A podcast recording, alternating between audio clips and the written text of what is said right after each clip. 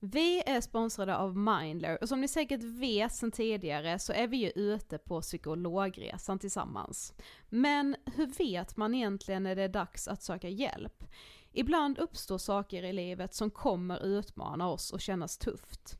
Det mesta självläker vi oss igenom, för vi är menade att ta oss igenom en viss mängd påfrestningar. Men ibland behöver man professionell hjälp för att ta sig ur jobbiga perioder i livet. Men vart går då gränsen? Vad är en del av livets skavighet och när är det läge att söka hjälp?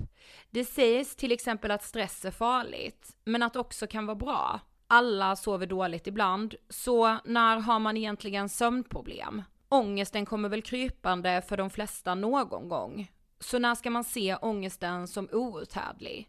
Hur vet jag? Med oss som psykolog har vi såklart min gamla psykolog Linnea Seidbrant. Okej, Linnea, hur mycket ångest är en del av livet och när ska man liksom söka hjälp för den? Ja, men ångest är ju en känsla som vi alla får då och då.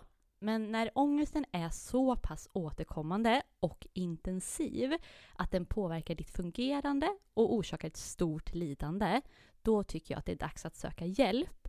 Sök hellre för tidigt om du är osäker. Då kan vi oftast med en ganska enkel insats förebygga svårare ohälsa. Och det är bra att tänka på att du förväntas ju inte kunna diagnostisera dig själv Mm. med någon fysisk ohälsa. Och det behöver du inte heller kunna göra när det kommer till din psykiska ohälsa. Vi kommer att hjälpa dig att avgöra.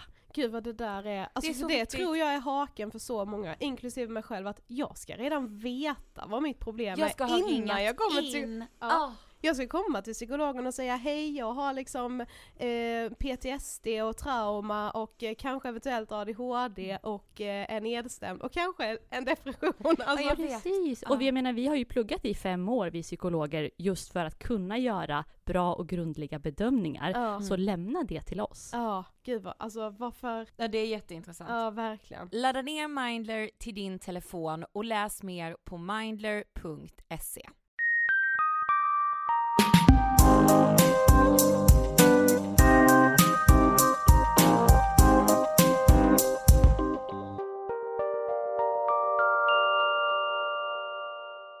på er och hjärtligt välkomna till avsnitt 136 av Ångestpodden! Tjena!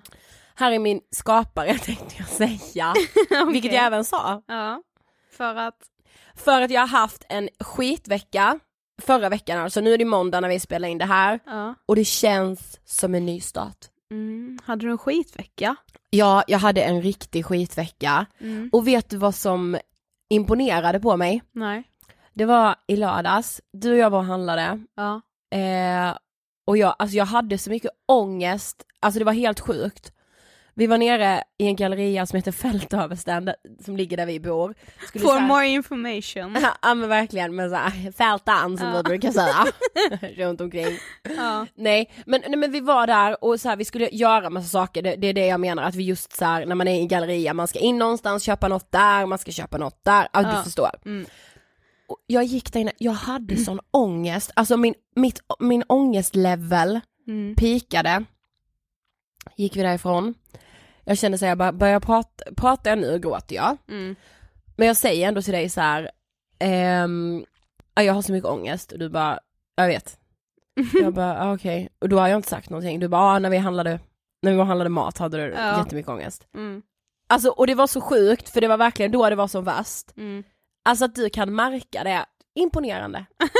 Ja, bra för inget ord-känsla. Nej men alltså vad, hur kunde du märka det? Nej men jag fattar inte vet för att så här, det är som att när, jag, när du har liksom så mycket ångest, Mm. är det som när jag säger, om jag säger någonting, Mm. typ som så här, ja, champinjoner kan vi ha på pizzan, Mm. vi skulle göra egen pizza ju. Ja. Ja, och du bara, ja. Och så fortsätter du gå rakt fram, fastän jag vet att du vet ju att champinjonerna är in till höger här. Aha. Eh, och jag bara, ja, så nu skrattar jag när jag liksom säger det. Ja, ja. Men det är sådana saker, så jag bara, ja alltså det är, in här är ju champinjoner, du bara, ja. Och Ja, sen det bara liksom typ ställde du det och kollade på, in på champinjonerna. Och jag bara, ja, pås, påsen är ju där framför. Du vet, bara, ja, det vet jag inte ja. med då ju. Nej, det är som att man lite... Nu låter det, nu skrattar man ju såklart. ja. Men vet du vad jag trodde det var att du märkte? Nej.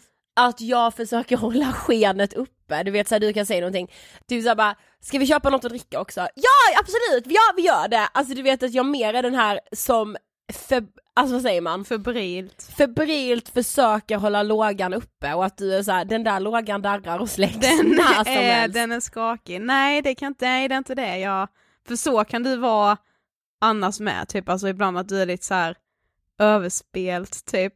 Att jag, okej. Ja, jag vet inte, det imponerade på mig Sofie, det är det jag ska säga. Ja okej, jo Ja. men har man bott tillsammans i fyra och ett halvt år så kanske man ändå märker när det är något tänker jag. Ja fast alltså Men ändå. inte så här, jag kan ju inte säga att det märktes så mycket så att vem som helst hade märkt det. Nej nej. Men jag märkte ju det på dig liksom. Ja men du märker ju när saker är jobbigt direkt liksom. Ja. Mm. Som när vi hade den där föreläsningen som vi pratade om för ett tag sedan. Ja. På tal om föreläsning, Mm. it's out there. Yay! Vi kommer den här hösten ha premiär på vår nya föreläsning, Det du inte lär dig på Handels. Ja, som vi slitit med den här föreläsningen. Men Och- det är ju ett, liksom, ett projekt som jag in, egentligen inte vill lämna ifrån mig. Nej, och i ärlighetens namn så är den ju inte 100% i hamnen nu, den är typ såhär 98% i hamn. Ah, nej, typ 90 Sofie. Ja, så Ja. eh, vi fortsätter kämpa på men eh, nu finns det liksom absolut ingen återvändo men det gjorde det inte innan heller eftersom vi har sagt till alla vi har träffat så här bara, ja ah, men vi håller ju på med vår nya föreläsning. Så, Och nu går den att boka. ja, Och det gör man genom att mejla ida at ingetfilter.se. yes. Boka oss till skolan, till arbetsplatsen, till var som helst som ni vill att vi kommer. Ja vi kanske ska prata lite om vad den handlar om, det är inte så här, Ja. ja men vad tänker du, om du ska så här, säga en mening Mm. om det du inte lär dig på Handels. om hur vi har gjort business på vår egen ångest och om skillnaderna mellan att driva företag, eller så här, skillnaderna mellan att driva någonting framåt, för det behöver inte bara vara företag, nej nej nej. men skillnaden är, skillnaden är att här, försöka driva någonting framåt eller göra någonting kanske kontroversiellt eller vad som helst. Skillnaderna mellan att göra det som man och som kvinna. ja, exakt så. Mm. Ja jag ser fram emot det faktiskt.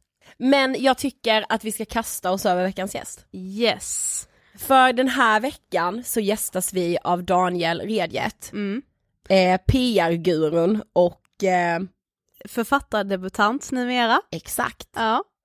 Ja men det är ju så otroligt spännande egentligen. Ja, och jag tycker det är kul att eh, vi har med Daniel idag när vi själva pratar liksom om vår nya föreläsning. Mm, mm. För att eh, det känns som att nu när vi har träffat Daniel så har vi så mycket gemensamt. Ja det är helt sinnessjukt Ja men säga. och också att det är så, det väcker någonting i en när man så här märker hur mycket förutfattade meningar man har haft om en annan människa. Sofie, det var detta, jag kände det, vi Ja. måste prata om det här. Och jag liksom har äcklats lite av mig själv Mm. för att jag vet att det finns många som har haft, eller kanske fortfarande har, mycket förutfattade meningar om mig. Ja. Och jag vet verkligen hur det känns, för alltså jag har så många gånger känt mig typ så här missförstådd och så här, Ja, ja, ja. Många gånger har jag så här ryckt på axlarna och bara, "Ah, ja men folk får väl ha en annan bild av mig och jag vill ändå inte ha dem i mitt liv, eller det är ju inte folk som kan påverka mig. Men så här, jag vet ju ändå hur det har stört mig också. Och att jag då själv har hamnat i den situationen att jag har haft Ja, förutfattade är ju meningar. Alltså, så här, lär jag mig ingenting av liksom vad jag själv är med om? Nej men jag vet, för grejen är så här, både du och jag har ju haft väldigt mycket förutfattade meningar om Daniel. Ja, absolut. Eh, och jag, jag känner så här, du vet vi har sagt att han tycker inte om oss, Mm. har vi sagt. Mm. Och han, nej, nej liksom, ah, jag vet inte, jag har haft så mycket förutfattade meningar om honom, Mm. så bestämde vi så här, vi tar en lunch, Mm. vi gör det. Mm. Och jag var så här, hur kommer det här gå? Mm. Tänkte jag. Alltså du, jag tror jag hade suttit i 15 minuter på den här lunchen, tittar på honom och Mhm. tänker så här, jag älskar den här människan. Ja men det är häftigt när man träffar folk som, det känns som att jag gör Alltså så här ändå ganska ofta, men det är lika häftigt varje gång när man träffar personer som man så här kan fylla i varandras meningar, Ja. för man vet liksom vad den andra menar, eller man vet Ja. vad den andra har gått igenom liksom. Precis. Och lite så är det med Daniel. Ja men verkligen. Mm. Eh, och ja men det är bara så spännande när en så här fördomar eller så här de förutfattade meningarna bara kan krossas. Mm. Det, alltså det är uppfriskande, det piggar upp, Mm. måste jag säga. Och eh, i intervjun så pratar vi ju väldigt mycket om eh, Daniels bok Mm. som han precis har släppt, eller precis, han släppte den typ för ett tag sedan. Mm. Eh, Vem fan är han, heter den. Ja, men det är väl så en resa som han, hans resa är det. Mm. Det är en resa som inte är en annan lik. Nej men precis, ofta är det ju så. Ja, Eh, jag tycker inte vi ska dra ut på det här mer. nej, Jag gillade att göra den här intervjun. det gjorde jag med. Den gav mig otroligt mycket på Mm. många sätt. Och jag är faktiskt väldigt nöjd. Så vi rullar intervjun med Daniel. Varsågoda! Hej Daniel och välkommen till Ångestpodden! Woho, tack så mycket! Det är jättekul att du är här. Var det där lite så här Fredagspodden-intro? Ja, Tycker du bara? Välkommen till Ångestpodden! Nej verkligen inte, jag skulle snarare säga att Hanna och Amanda försöker efterlikna oss. Ja, ni är ju de unga fräscha liksom. de är på väg ut, ni är på väg in. Så är det ju. Men du, alltså vi ville liksom skriva första frågan så här för de som inte vet vem fan är han?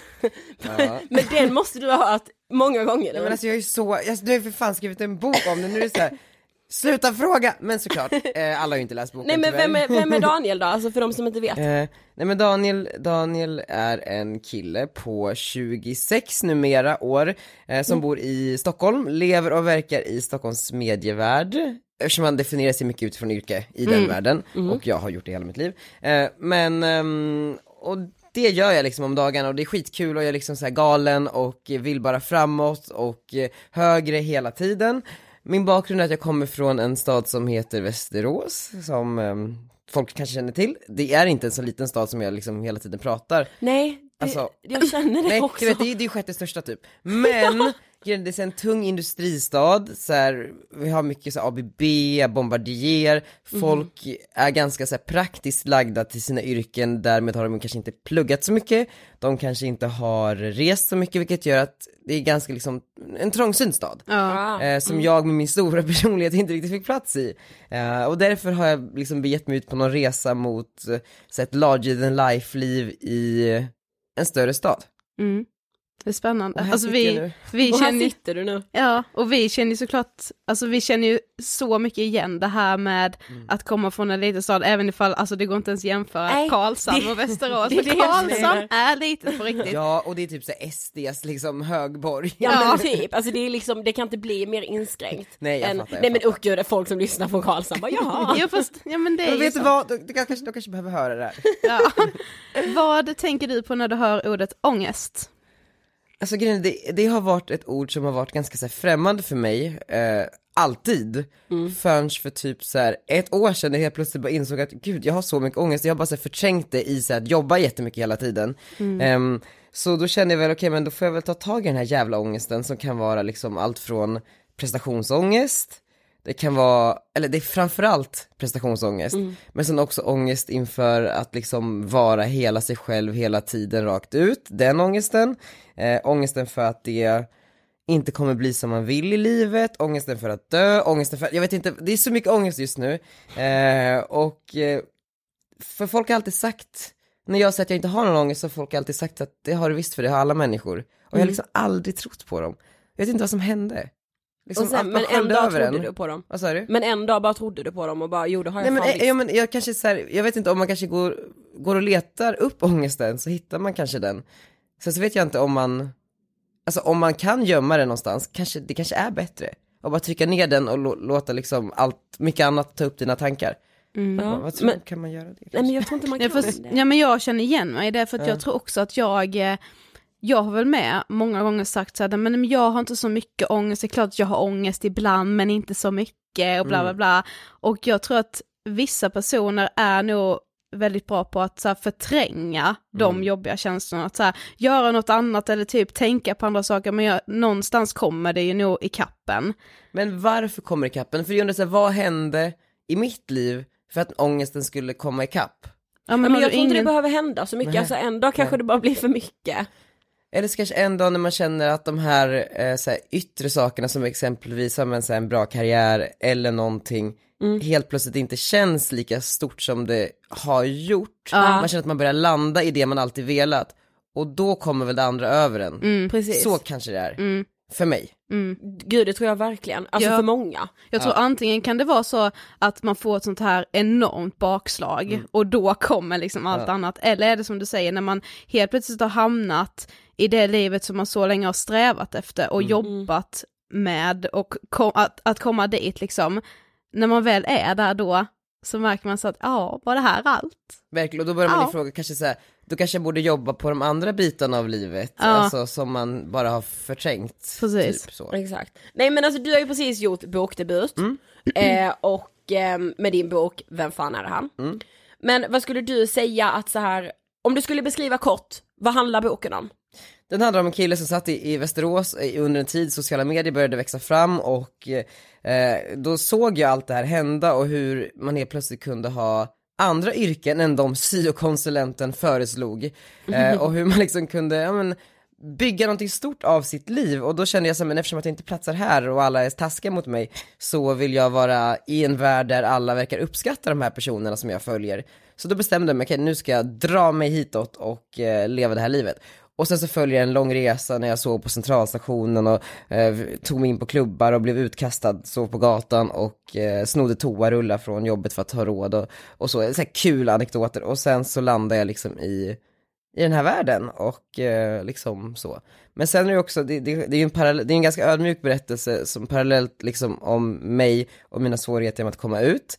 Eh, som liksom ger lite, boken lite själ skulle jag säga. Alltså det är ju det som kanske har varit det allra svåraste med att skriva den här boken. Mm. Eh, men det känns jätteskönt att det nu är gjort och jag bara så här, skrek ut det en gång och sen så, nu är det där. Mm. Ja, vi kommer lite mer till det sen. Ja, ja, för när vi läste boken blev vi jätteinspirerade, ska vi ärligt säga.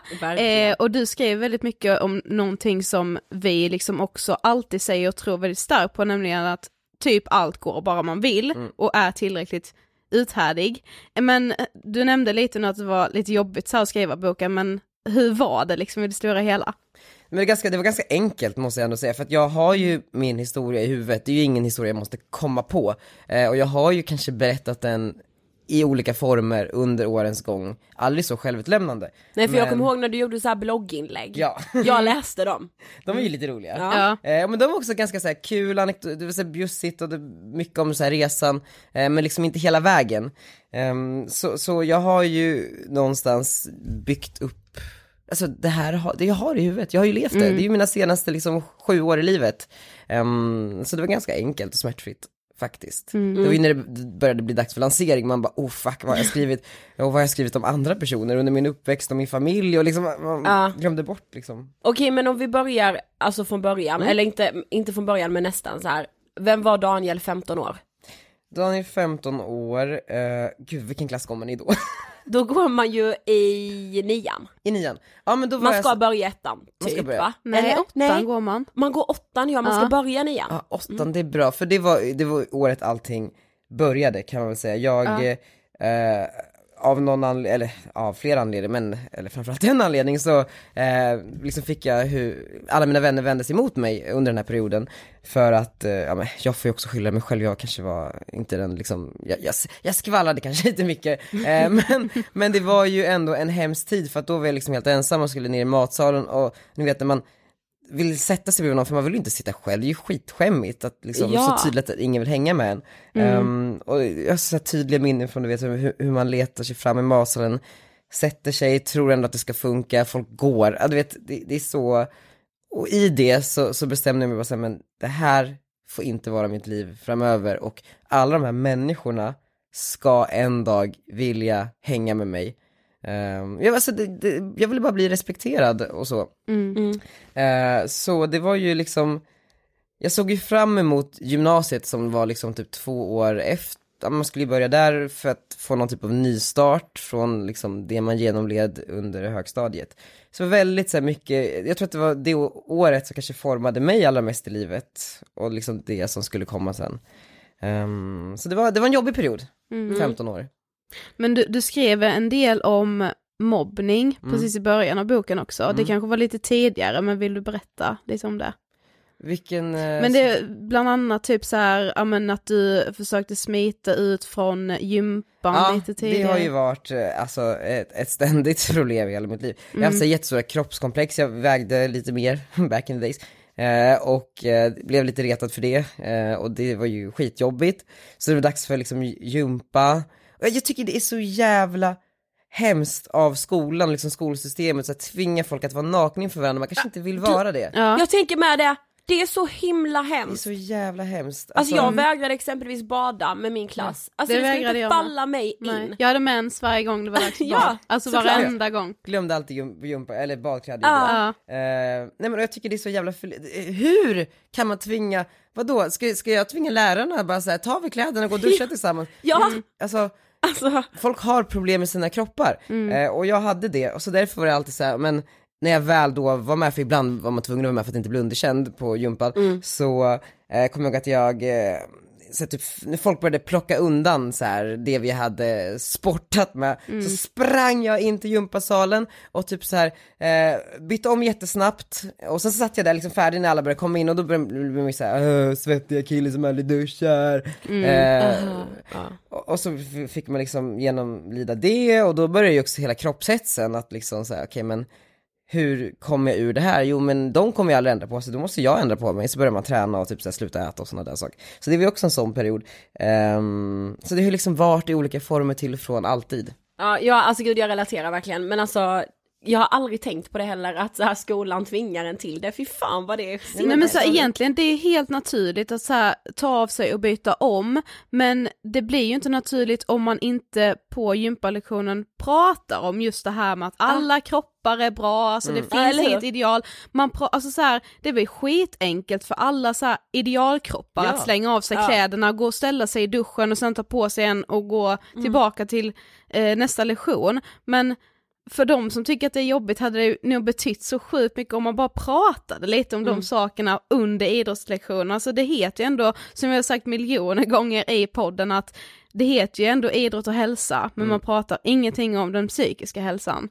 Och det, det är så konstigt men att man inte ja. gör det. Man känner sig verkligen som ett ufo, för att alla Ja. andra verkar ju tycka att det är hur lugnt som helst, man bara gud, det- då är det jag som, det är Ja. problem med mig. Ja, Eh, men det är det ju säkerligen inte, utan vissa kör ju bara på ändå, även om de kanske har jättedåligt i det, eller andra hittar väl sina vägar, men det, det är så jävla, hatar det. Ja. Mm.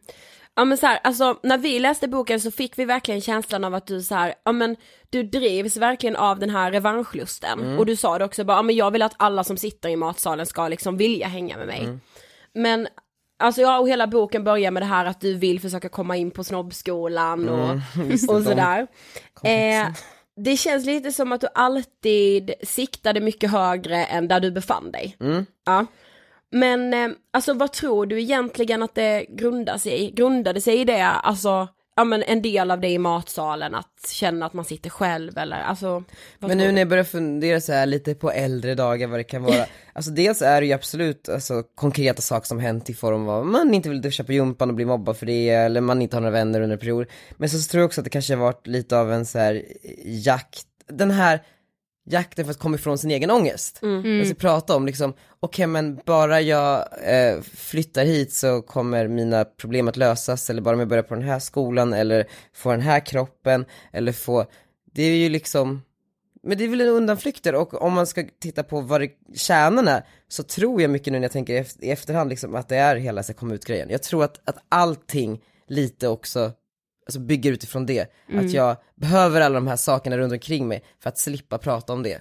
Ja, jag och så här, det, det är så skönt när man har så här en annan anledning till varför man har ångest. Alltså, så här, nej men, och du hade ångest för att ingen ville vara med dig eller du hade Ja. ångest för att eh, du inte tyckte om din kropp liksom. För att då behövde du inte ens säga till dig själv att nej, men jag har ju ångest för att jag är gay. Alltså, Nej men precis, Mm, ja. precis, för det är ju, det är ju världens mest ensamma sak.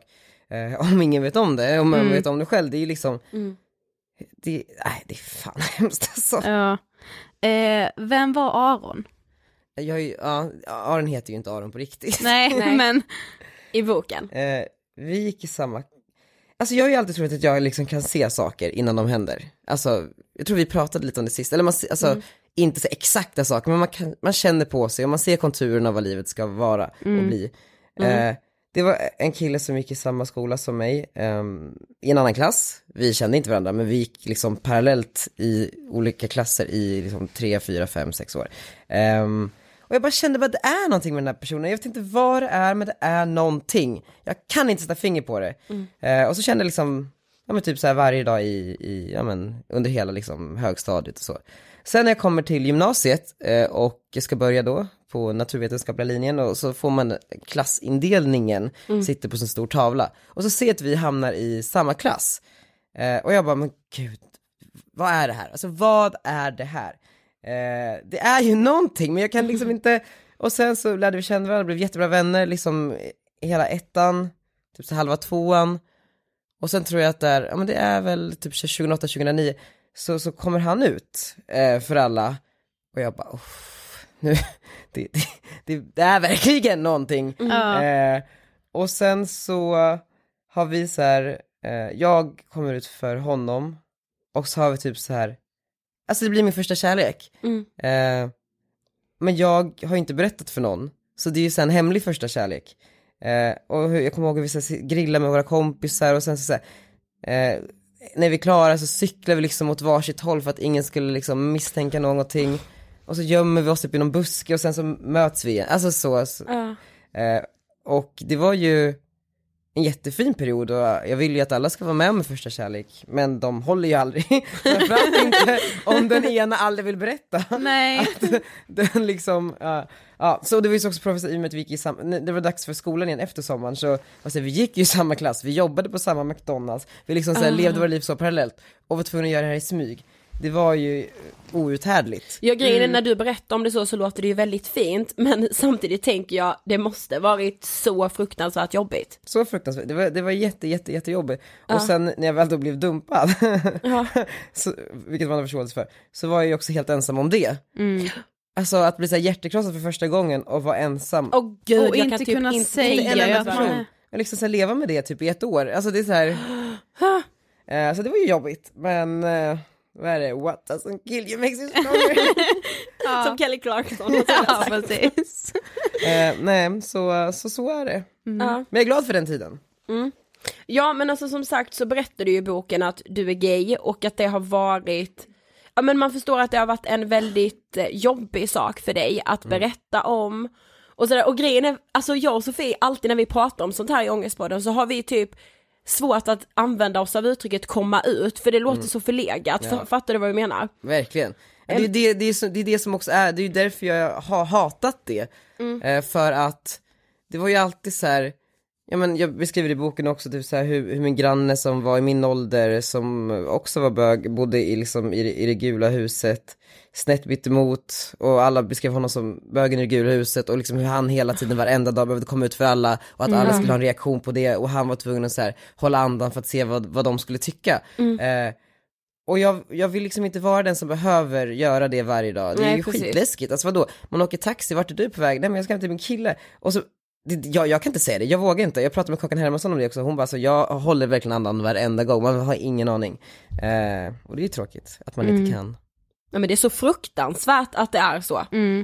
Men sen också, alltså det är så här, vem ska man skydda, alltså det är så här, samhället är så av anledningar, eh, men det är ju på väg framåt, eh, vilket är skönt.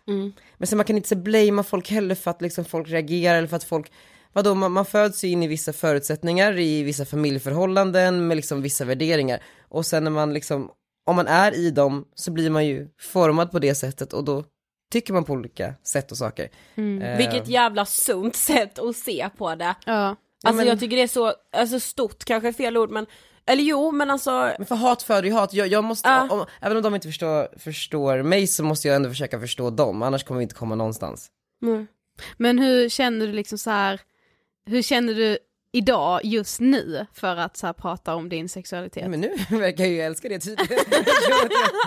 vi, när för att vi du sitter här i ångestbådan. nu när vi drar ut saker. Nej men jag, jag tycker att det är sjukt befriande, alltså jag är jätteglad. Men det är fortfarande lite så här, det tar emot. Men nu har jag utsatt mig för det så pass många gånger i och med alla intervjuer med boken och sådär, så har jag ju behövt komma ut som, alltså typ så här, mer än vad jag någonsin gjort på ett helt liv.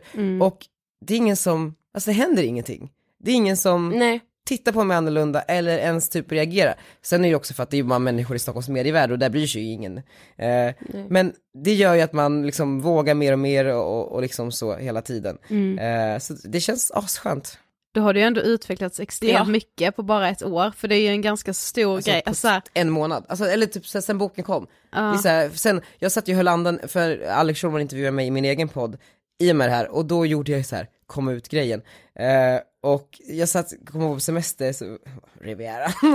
Nej, men, och då så satt jag liksom och höll andan den morgonen och bara okej okej, hur kommer folks reaktioner? Och jag fick typ så här, jag måste säga 500 mail av folk som tyckte det var så här världens finaste sak. Och då bara, gud kan jag, du vet så nice, då vill man ju bara fortsätta. Men vet du vad jag tänker är så himla viktigt på något sätt? Att du ändå pratar om hur jobbigt det har varit för dig. För jag tror jättemånga kan relatera till det eftersom man ser väldigt många som säger va det är ingen grej, vadå, la la la la. Och så här, det tycker jag är väldigt viktigt också att det faktiskt kan vara skitjobbigt fortfarande. Oftast, jag, vet, jag tror att jag, alltså såhär, man känner ju så vissa människor nu som är så vuxna och, och liksom är här, mina bekanta och vänner, så här som, jag tror att de, vissa är liksom gay men vågar kanske inte komma ut och du vet så här, hur de förklär det i att vara tillsammans med en av motsatt kön och, det är så här, det är så jävla hemskt. Ja. Det är så hemskt. Ehm, så, ja men det känns också kul att ha någon så här fråga så här, brinna lite för. Alltså göra så här bra. Mm. Eh, försöka hjälpa andra på något sätt. Ja men jag tror det är viktigt, för vi sa ju när vi skrev den här intervjun, bara såhär, ah, det känns, eller vi har sagt det innan, Ja, att så här, nu har vi liksom pratat väldigt mycket om det här med att liksom, ja men vara liksom homosexuell och så här och det, just som du sa, är det att det känns så förlegat att använda det uttrycket ens att komma ut. Ja. Men sen bara när vi tänkte på det, bara, det kan ju inte bara vara Daniel i hela Sverige som sitter Nej. och har den ångesten Nej, över att faktiskt liksom. göra det. Ja precis. Och att det blir så här en motsatt effekt av att alla säger att, ah, vadå det är väl ingen stor grej liksom. Nej det är inte typ så här, var tionde person har jag hört är alltså lagda åt något annat än straight. Ja. Eh, vilket är många. Ja, Ja, det är precis. jättemånga. Det är extremt Och sen jag känner också hur så här, din ångest kring detta, eh, att komma ut, alltså så här att du, det har ju mest suttit i ditt egna huvud att folk ska typ reagera jättekonstigt och det, så är det ju med så mycket annan ångest också. Att Ja, såhär, åh nej jag får inte få panikångest nu för folk kommer tycka att jag är dum i huvudet. Alltså man bygger ju upp, det blir ju bara en förväntansångest som man bara skapar själv, det är ingen annan som gör det för man berättar inte ens om den. Men sen, alltså så här, jag håller med mycket, men sen det här med att, att ingen annan skapar det, det, för att jag har ju så olika så händelser som har, eller situationer som har just skapat Ja. det här, typ så här, jag sitter på mitt sommarjobb på ABB, så här, industriföretag, jag monterar saker varje dag en hel sommar. Eh, jag har en chef som heter Mona och eh, hon liksom leder det här teamet som består av så här, gubbar. eh, och vi sitter och har så här fika rast i, ja men som man typ hade fem gånger per dag. och eh, hon säger att hon har varit eh, på, i Stockholm över helgen och har sett två killar som gick hand i hand. Och hur liksom äcklad hon blev kring det och hur alla sitter och så här skrattar. Samtidigt som hon håller på att smyg-smsa med den här personen i boken som jag beskrev som min första kärlek. Eh, och det var ju så jävla hemskt att höra det samtidigt som man var i liksom den här första kärleken. Eh, Ja, alltså. Ja. Det är så hemskt, Ja, alltså jag det får är panik. krossande. det gör ju, gjorde ju att jag liksom he- helt liksom stängde in allting och då var det ju yttre faktorer som påverkade mig snarare än jo. liksom jag själv. Jo det är klart. Eh. Och så tror jag, det tror jag med är alltså så här småstad, alltså att det finns, alltså sådana arbetsplatser. Som Sverige består av framförallt. Precis. Alltså folk sitter inte och poddar på punk media Nej, living, precis. liksom. Eller hur? Ja. Okej men vet du vad vi mer vill höra om? Mm. Din Gunilla-humor. Berätta lite om den. Nej men, ehm, Gunilla har ju, grejen det började med att jag hade typ en lärare, typ såhär för 15 år sedan, som hette Gunilla, som var såhär asrivig, ni vet såhär, hade päls och eh, stora smycken, men man visste att alla var fake typ, men hon ville vara ändå vara såhär, kortklippt frisyr, stylad med något raffigt vax och någon slinga i liksom luggen och typ fyrkantiga bågar. Eh, och hon var så, du vet såhär, hon var så stolt, hon var så fin, hon var så liksom, hon, hon- representerade liksom den svenska kvinnan framförallt och liksom ett sätt att, ja men så här, ett sätt att leva på lite grann, eh, som då egentligen både män och kvinnor, men, men hon, just hon blev symbol för, för den sta- svenska starka kvinnan. Eh, och det var så kul för att helt plötsligt när jag liksom ser mig omkring, då är ju Gunillorna överallt. Och de har ju de här, eh, de har ju de här intressena som, alltså vi har ju en publik som på två miljoner som tittar på Let's Dance varje fredag. Det är ju för att mycket Gunillorna gillar att se liksom Linda Lindorff i någon ny snygg klänning och du vet, kanske drömma sig bort. Eh, och, och, och ja, det finns någonting jävligt kul i det tycker jag, att, att de liksom är så här, ja men lite riviga och sådär gittiga. Eh, och, och att de, alltså att de liksom representerar en, en stor del av svenska folket som man ofta glömmer när man så pratar i media och liksom håller på och sitter på något TV4-möte och ska försöka så här, hur moderniserar vi det här programmet? Men glöm för helvete inte bort Gunillorna, det är ju därför Gry fortfarande är programledare, för att Gunillorna är hennes fanbase. Eh, och då är det kul att bara liksom, det är så målande för vissa saker som att dricka bag-in-box eller köra omkring i en Ja, härlig Fiat. För att det är ju Fiat folk har i landet, inte en BMW. Och det är alltså så här, Ja. alltså det är kul, tycker jag. Ja, så vi, vi skrattar ju Ja, flera vi- gånger, så ja, ja, vi, alltså fatt, verkligen. vi fattar ju. Men tror du inte att det så här kan uppfattas som liksom, alltså klassförakt låter liksom skithårt nu när vi jag säger det. Ja, men jag tänker själv det. kring det. Ja. Jag försöker komma på om det kan vara så här föraktfullt på något sätt. Ja. Men jag, alltså jag, jag säger ju att jag är den största Gunillan liksom i stan. Eh, så jag föraktar ju inte mig själv längre. Så då måste ju jag inte mena något föraktfullt. Men sen så kanske det kan tolkas som det, men då är det ju bra att jag säger att det inte är föraktfullt. Ja. Nej men jag gillade ju verkligen den här beskrivningen av, alltså Gunilla, din lärare, nej var det lärare? Eh, det var eh, sånglärare, eller Ja. förhoppningsvis en framtida lärare som inte blev det. Ja. ja men just så här, alltså som du sa det nu, att så här bara, men hon var ändå den här starka som bara det här är jag, jag vill vara så här. Ja men också såhär, jag vill vara fin idag, även om du vet såhär, jag är bara här i en statlig byggnad, men jag ska väl fan vara fin som Linda, Linda Lindorff här i TV. Alltså, jag, jag, jag kan älska det, eh, jag älskar det så mycket och jag tycker det är såhär, jag, såhär, det är också såhär, jag gör ju massa Gunilliga saker hela tiden som ni vet, såhär, unnar sig en taxi istället för att ta bussen och, och sådana där saker. Jag tycker det är, jag vet inte, jag vill bara mynta det. Ja det har du Jag redan också, gjort. jag har fått Ja, det det som en jag uppgift i livet att bara mynta det känner jag. Ja. Men sen så vill jag ju inte att det ska uppfattas föraktfullt eller så.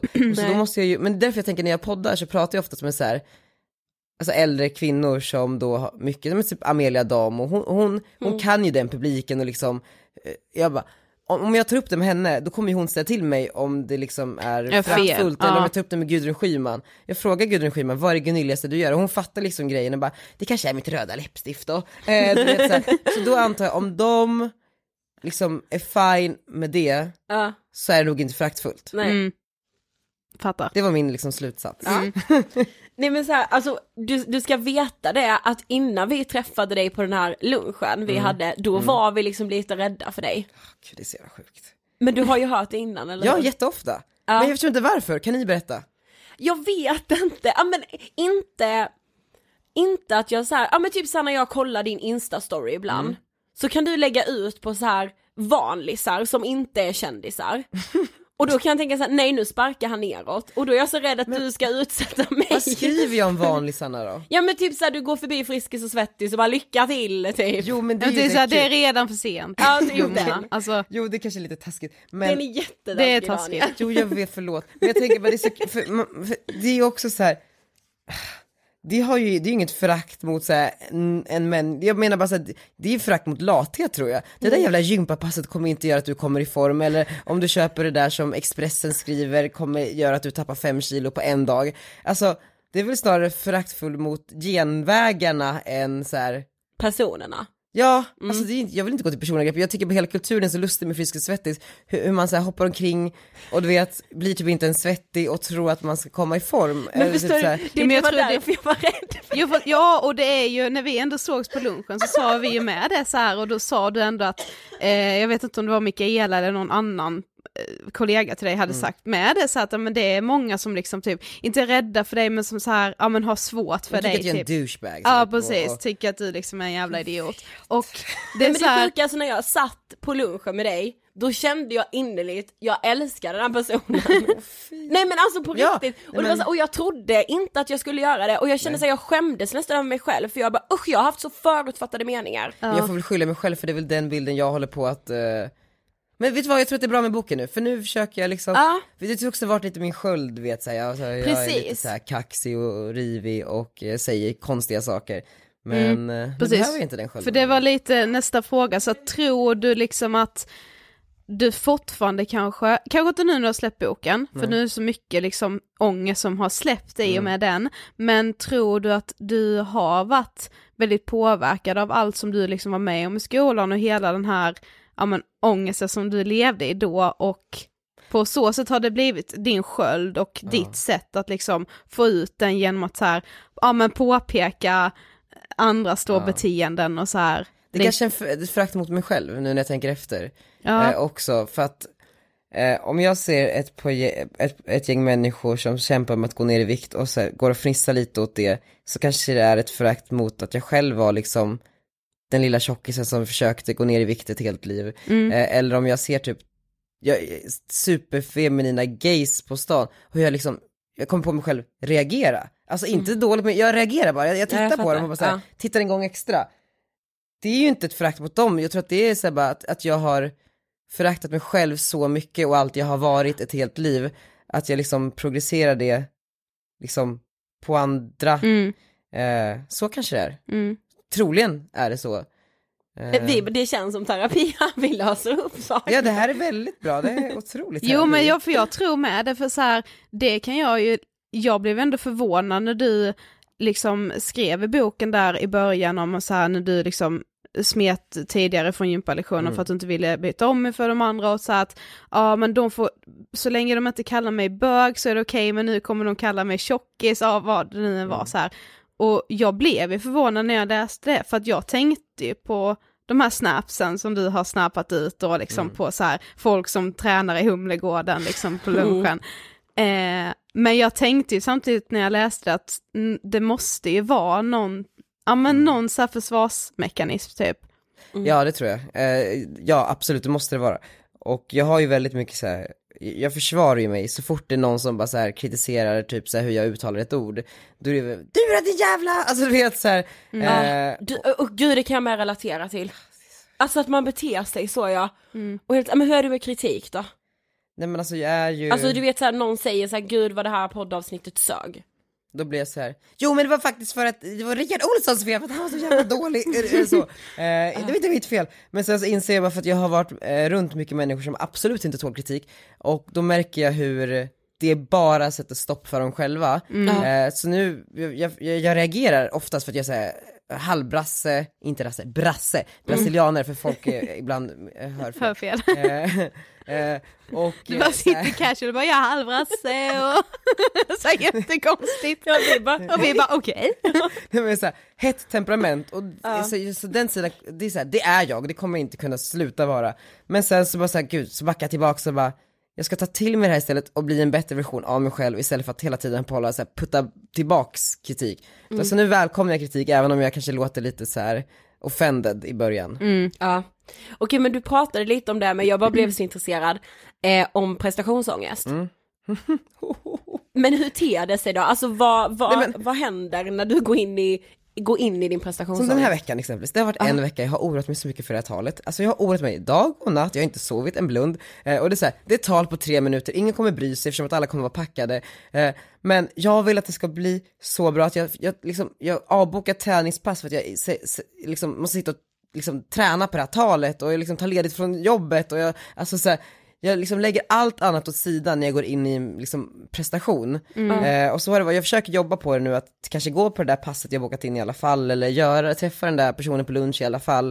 Eh, för att annars har jag bara tendens att liksom lägga allt åt sidan och bara vara i den här liksom världen och hetsa kring det i, så, här, så länge jag behöver. Och därför kommer jag, är jag väldigt orolig för att jag ska göra Idol i höst, för det är så här, Ja varje fredag inför direktsändning kommer jag sitta och panika en vecka innan, alltså varje dag, jag kommer inte kunna sova, jag kommer inte kunna jobba, jag kommer inte kunna, ehm, Så men den är också, det är ju framgångsknepet Ja, för det ju blir ju väldigt bra då oftast. Ehm, så jag vet inte om jag vill ha, ta bort det liksom. Nej, men kan, vadå, kan det bli så här, alltså tvivlar du på din egen förmåga? Är det så här, jag kommer inte fixa detta liksom? Eh, ja, jag tvivlar jätte, jag, jag, jag går in med inställningen att jag inte kommer fixa detta. För att va, jag har i hela mitt liv aldrig fixat någonting, alltså eller de, under de första åren, om jag inte lagt ner liksom allt i det. För att komma, alltså när jag flyttade till Stockholm, ingenting var lätt. Alltså, det har gått så jävla trögt för mig. Folk tror att det bara gick jättesnabbt, men jag har ju fan kämpat, typ, jag har så här, sju år ingen har sett. Alltså sju år av kamp som bara så här, är helt så här förbisedda. Där jag har fått kämpa så jävla hårt. Så därför liksom tar jag ingenting för givet och lägger mitt allt i allt jag tar mig för. Men det är ju ändå lite skillnad på att så här vara rädd att inte klara av det. För att jag kan känna ibland att jag har problem med prestationsångest för att jag tänker att alla andra måste tycka att det här är det bästa de någonsin har hört, eller det bästa de någonsin har sett, eller det bästa de någonsin har läst liksom. Är du så? Ja, absolut. Eller ah, till viss del, jag vill bara inte att det ska vara dåligt i alla fall. Nej. men jag tror också i och med att jag har byggt min person utifrån, utifrån prestationer, alltså eh, fått ett nytt jobb eller gjort det här, skrivit en bok. Och om det ska stå för mig så kan jag ju inte ha halvdåliga produkter för då, Nej. kom, då är ju jag en halvdålig människa. Mm. Eh, så jag måste göra superbra saker jag liksom ger ifrån mig. Um, eftersom att jag har, varit, jag har ju definierat mig själv genom de här sakerna. Ehm, så det är framförallt kanske för, för, för andra men då för mig själv. Mm. Ja, fattar. Men många av de som lyssnar på vår podd Mm. eh, har ju kanske ångest idag eller har haft mycket ångest eller kommer ha mycket ångest. Eh, och när man liksom är i de här svackorna när liksom allt känns skit så är det ju ganska lätt att så här, ja men typ tappa hoppet och så här, ah, ja men jag kommer aldrig lyckas eller jag vill också hamna där, där alla de är, som jag följer på Instagram är. Eh, vad skulle du vilja säga till dem? Det är alltid när det är som värst, det vänder. Alltså, jag brukar känna alltid när jag känner att allt är så jävla hopplöst och jag bara tragglar på och ingenting händer. Det är alltid då jag får typ ett samtal, ett mail som jag liksom drömt om ett helt liv som förändrar allt. Så, och det är också där, alltså, jag tror att människor, eller framförallt i Stockholm kommer det ju väldigt mycket människor med en dröm om att göra någonting man har läst om kanske på internet eller sådär. Eh, så samlas man allihopa här och eh, försöker få ihop livet. Man försöker hitta någon andrahandslägenhet, man försöker eh, ha, få lön för något eh, skitjobb, men och, och så gör man det och sen så känner man att det kanske står still och man kämpar på och sen märker man hur den ena efter den andra försvinner. Eh, man, man flyttar hem igen, man orkade inte, man gör något annat, man går vidare. Om man bara är de som härdar ut lite till så försvinner ju någonstans all konkurrens. Att jag ryser för att det, jag bara, Det är så jävla ja, sant. Och, och där så kommer de så kallade genierna, eller vad man ska kalla det, de som liksom orkar hela vägen. Så orkar man lite längre än alla andra, då kommer man också komma längre, då kommer allt man vill ha komma till en. Mm, Förhoppningsvis. Så sant. mm. Så, så sant. Ja men det är det. Ja. Alltså en, en sak också innan vi, för snart har vi kommit till sista frågan, men när du bodde hemma i Västerås och du följde de här, alltså vilka var det du följde Men alltså det var ju, alltså det var, okej jag måste, att det, eller jag har skrivit i boken, alltså det var ju Glamorama. Du, men det var ju, så var det för oss med. Oh my det god, var ju In liksom- Glamorama tonight! det låter så jävla, We going så- all the way liksom- up, up, Ja, up, Freja up. and away. Ja. den låten. Ja, ja den hade man ju på sin Spotify. Gud, ja. ja.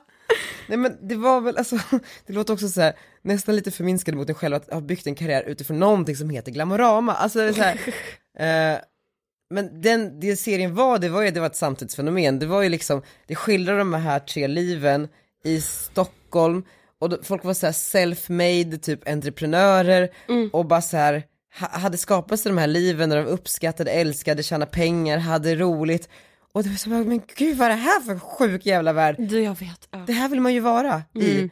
Eh, och, och det var bara då det här larger than life i det, fick, det blev så tilltalande för mig så jag vill bara liksom kliva in i det här programmet och så. Oj, Ja, tog ju några För år, men- oss blev ju White Room en sjuk symbol Ja, Ja, det blev, Jag Ja. var helt galen. Jag kom in där första gången då. Det var så Alltså det var så jävla God. sjukt man, Man har ju tagit en fanbild med Dasha och Mikaela. Lagt ut på Insta. Gud ja. Och även druckit en fornication Det på... det. Alltså det är så jävla, förlåt, mobbat. Men vi har alla varit där, vi har alla varit där. Jag kan fortfarande gå och beställa, ah, nej, inget. Okej men vi har kommit till sista frågan. Vad inspirerar dig? Nej men, men alltså människor som bara liksom tar för sig och bara gör det de vill och också lyckas med det. För de andra ser man ju inte. Nej, Nej det är ju så. Eh, Nej men för då framgångsrika människor, asinspirerande. Mm. Mm. Håller med. Tack så jättemycket för att du vill gästa Ångestpodden. Tack för att jag fick komma, det här var den bästa, alltså det var den bästa intervjun hittills. med Är det boken. sant? Det var Är det sant? det känns så skönt och så kul. Jag är så glad. Åh, Vad underbart. Nej men jag liksom, alltså jag tycker eh, det var så härligt bara att sitta ner. Ja, men jag tror att det är eh, viktigt att så här våga, så som vi säger i intervjun det här med att, och jag vet att det är många som också tänker det här om Daniel, att så här, han har ganska typ hård jargong på sina sociala medier, han har lagt ut vissa saker som jag fortfarande inte tycker är okej. Ja absolut. Eh, men så här, det finns oftast en förklaring eller en bakomliggande anledning till varför vissa uppfattas som så extremt hårdhudade, har väldigt hård jargong. Precis. Alltså det är för att det finns någonting som man döljer där inne som man är så, man, om det är så här blotta så blir man så sjukt sårbar. Precis, men jag tyckte det var så jävla fint att vi pratade om det. Ja, och att man så här istället, om det känns som att jag har lärt mig någonting själv av det här. Om folk typ så här lägger ut saker eller beter sig på ett visst, visst sätt eller säger saker som man liksom inte tycker är okej. Fråga varför den personen gör Ja, det verkligen. istället för att så börja prata med alla andra bara ah, hon är ju sådär eller hon gör ju det eller vet- han gör det eller hen gör det. Alltså så här, Man dömer ju direkt Ja, liksom. Vissa, sen är det vissa saker som så här: okej det där är väldigt väldigt konstigt. Mm. Men att man så här säger det då, du vet jag har bara så här, ja men som vi sa i början innan Mm. intervjun att man bara dömer och man bara så här, tillskriver någon annan en, en, en massa andra åsikter typ. Ja men så här med att man måste ju liksom också acceptera att det är väl, alltså man kan inte mötas i allt med Nej. alla människor och vissa saker har man olika åsikter om. Så här, det är väl därför vi har politik i det här landet, alltså så här, du vet Mm. man kan inte mötas i allt men att man kan ju i alla fall fråga innan man så här börjar liksom ha sina förhastade slutsatser och så här. Sen kan man ju se ifall man kan mötas i det eller inte men alltså. Ja, man måste sluta vara så hård mot folk man liksom inte känner bara för att de har gjort ett uttalande eller gjort en sak. Alltså så här, Mm. Ja jag fattar. mm, Men eh, det inspirerar ju mig ofantligt mycket Mm. eh, med Daniels resa. mm. Ja men alltså allt går bara man vill. Ja, jag, och jag är känner så- fortfarande, jag är inte mindre övertygad efter att ha läst boken. Verkligen inte jag heller. Och jag känner så här med, ja, jag vet inte, det, jag, jag vet inte, jag känner någon tillhörighet på något sätt. Ja. Jag, bara jag bara ser mig själv och ja men typ den resan vi har gjort Mm. I Daniel, ja, det är så coolt bara att kunna göra det. Mer om vår resa i Det du inte lär dig på Handels. Tack så jättemycket Daniel för att du ville gästa Ångestpodden och läs hans bok för fan. Ja. Eh, veckans sista. ja, Du hade någon färdig redan Ja, men du vet, alltså, så nu är så här. varsågod. nu har jag en ny idol Okej. som jag inte kan fatta att jag inte har lyssnat på innan. Hon heter Dua Lipa, Ja. säger jag rätt? Dua Lipa! Jag vet inte om jag säger rätt, jag tror det. Mm. Hon har en ny låt. Okej. Ja, New Rules. Ja, den är bra. Nej den är så bra. Och du vet den är så jä- jag, alltså jag får någon power i den Ja. låten, jag visste nästan inte att jag hade den. Nej. När jag sätter på den, alltså du vet jag, kan, jag skulle kunna ta vilket dansgolv som helst, alltså jag lovar dig. Ja men så här, eh, googla du, Dua Lipa, Dua Lipa med vår jävla Ja. dialekt, eh, New Rules och så tar ni lyrics på den. Ja du, vi har ju suttit i soffan, Ja. alltså så här hemma, Vi bara, bara, I got new rules, I got them. ja det är verkligen spännande. Okej, Eh, ja, New Rules heter den. yes. Ja, Ja, den är, alltså så här, sänkt ribba för hiss kanske men ja men jag har ju sänkt i den förra veckan när jag tog Ja. Justin Biebers nya låt. Eh, Okej, då höjer jag ribban lite nu då. okej. Eh, jag skulle vilja hissa Stadiums senaste så här, initiativ. Som Det här är alltså inte sponsrat. Nej, som heter Fill the Stadium. Eh, som handlar om hur, så här, återigen skillnaden mellan att vara man och kvinna. Mm. Ehm, Förra året fick nämligen svenska idrottsmän 2,9 miljarder, inte miljoner alltså, utan miljarder kronor mer än sina kvinnliga kollegor. Därför startade de då det här initiativet för att samla ihop pengar. Så nu har de alltså den här omfattande kampanjen för att slå ett slag helt enkelt för jämställdheten inom idrottsvärlden. Men, så jag tycker det är skitbra helt enkelt. Det är återigen bara så här belysa jämställdhetsfrågan, alltså det Ja. är viktigt överallt. Jag, det känns som att på senaste tiden, det kanske är för att man vi själva har suttit och liksom skrivit om den till vår föreläsning, men, Ja. och att det kanske har blivit en ögonöppnare, men alltså jag ser, ser liksom jämställdhetsklyftor i typ, ja men alltså i varenda sammanhang. Ja men alltså, det, ja men det finns i alla sammanhang. Ja, jo jo, men, och det är ju ingen nyhet liksom. Nej, Men det känns bara som att jag har sett det mer nu än någonsin på något sätt. ja. Viktigt Mm. att man belyser det. Mm. Okej, vilket toppenavsnitt vi har haft idag så känner du? Ja, nu omfamnar vi hösten känner jag. Ja, för jag skulle precis säga det att nästa vecka kommer vi prata höst. Mm. Viktigt. Ja, skriv jättegärna till oss i DM om vad ni känner inför hösten. Ja. Vi brukar ju göra så här, vi gör ju alltid ett sommaravsnitt och ett höstavsnitt. Precis, för vi har ju en komplex relation till hösten. Absolut mörkret och eh, ja men alla mål man ska sätta upp för sig själv. Bra mår man inte. Nej det gör man inte, så skriv till oss i DM eh, på Angespodden eh, på Ja. Instagram eller mejla oss angespodden.ingetfilter.se och Så skriv vad ni har för känslor inför hösten. Ja, okej. Ha det bäst! Hej då!